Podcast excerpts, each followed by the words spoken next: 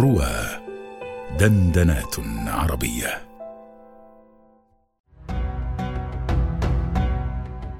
آيات وأبيات مع الأستاذ أبي قيس محمد رشيد على رواه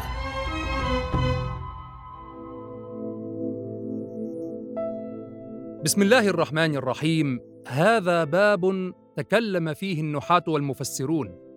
وإنما جئت به في حديث البيان لأن فيه الكشف عن مطعن يطعن به بعض الجاهلين على كتاب الله تعالى ويقولون إن القرآن وقع فيه أخطاء في الإعراب.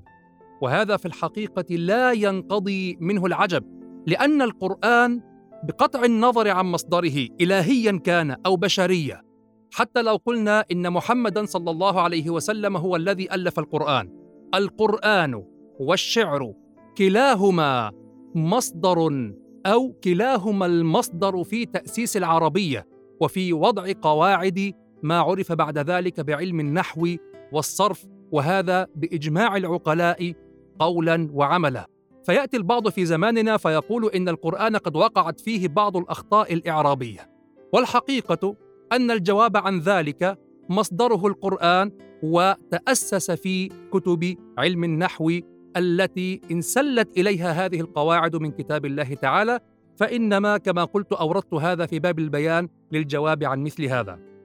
باب ما يسمى بالنصب على التخصيص بالمدح والذم. أبدأ فيها بالآية الكريمة. يقول الله تعالى لكن الراسخون في العلم منهم والمؤمنون يؤمنون بما أنزل إليك وما أنزل من قبلك والمقيمين الصلاة والمؤتون الزكاة والمؤمنون بالله واليوم الآخر. أولئك سنؤتيهم اجرا عظيما. فيأتي البعض فيقول لماذا قال الله تعالى والمقيمين الصلاة؟ الله تعالى يقول لكن الراسخون في العلم منهم والمؤمنون يؤمنون بما أنزل إليك وما أنزل من قبلك والمقيمين الصلاة. والصواب والمقيمون الصلاة. إذا نظرنا في الشعر العربي القديم وجدنا النابغة الذبياني الذي كان قبل نزول القرآن يقول في قصيدته التي يتكلم فيها إلى النعمان بن المنذر ويتبرأ فيها مما نسب إليه يقول لعمري وما عمري علي بهين لقد نطقت بطلا علي الأقارع أقارع عوف لا أحاول غيرها. وجوه قرود تبتغي من تجادع. فنصب وقال أقارع عوف. على أي شيء كان هذا النصب؟ قال العلماء هنا أراد أقصد أخص أعني أقارع عوف. لا أحاول غيرها.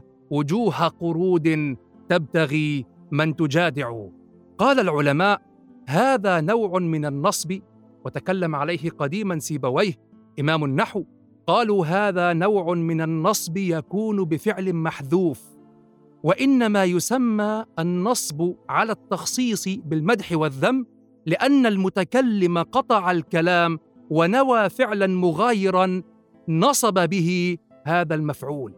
وقالوا في قوله تعالى والمقيمين الصلاة أي أخص المقيمين الصلاة أعني المقيمين الصلاة فوقع النصب على التخصيص ثم رجع السياق إلى ما كان عليه. ولسائل أن يسأل بأي شيء كان النصب هنا؟ والجواب النصب هنا كان بفعل محذوف. والسؤال التالي هذا الفعل المحذوف هل ينصب ويكون عاملا في معمول هو المفعول يعمل فيه بالنصب وهو محذوف؟ نعم. وعدم استعمالنا له الآن وعدم درايتنا به لا يعني عدم وجوده. فهو في الشعر العربي القديم الفصيح الحجة. هذا امرؤ القيس يقول في قصيدته ليالي سلمى إذ تريك منصبا وجيدا كجيد الرئم ليس بمعطال أي أذكر ليالي سلمى فليالي منصوب بفعل محذوف تقديره أذكر. ولكننا نحن الآن لا نعرف للأسف اللسان العربي المبين.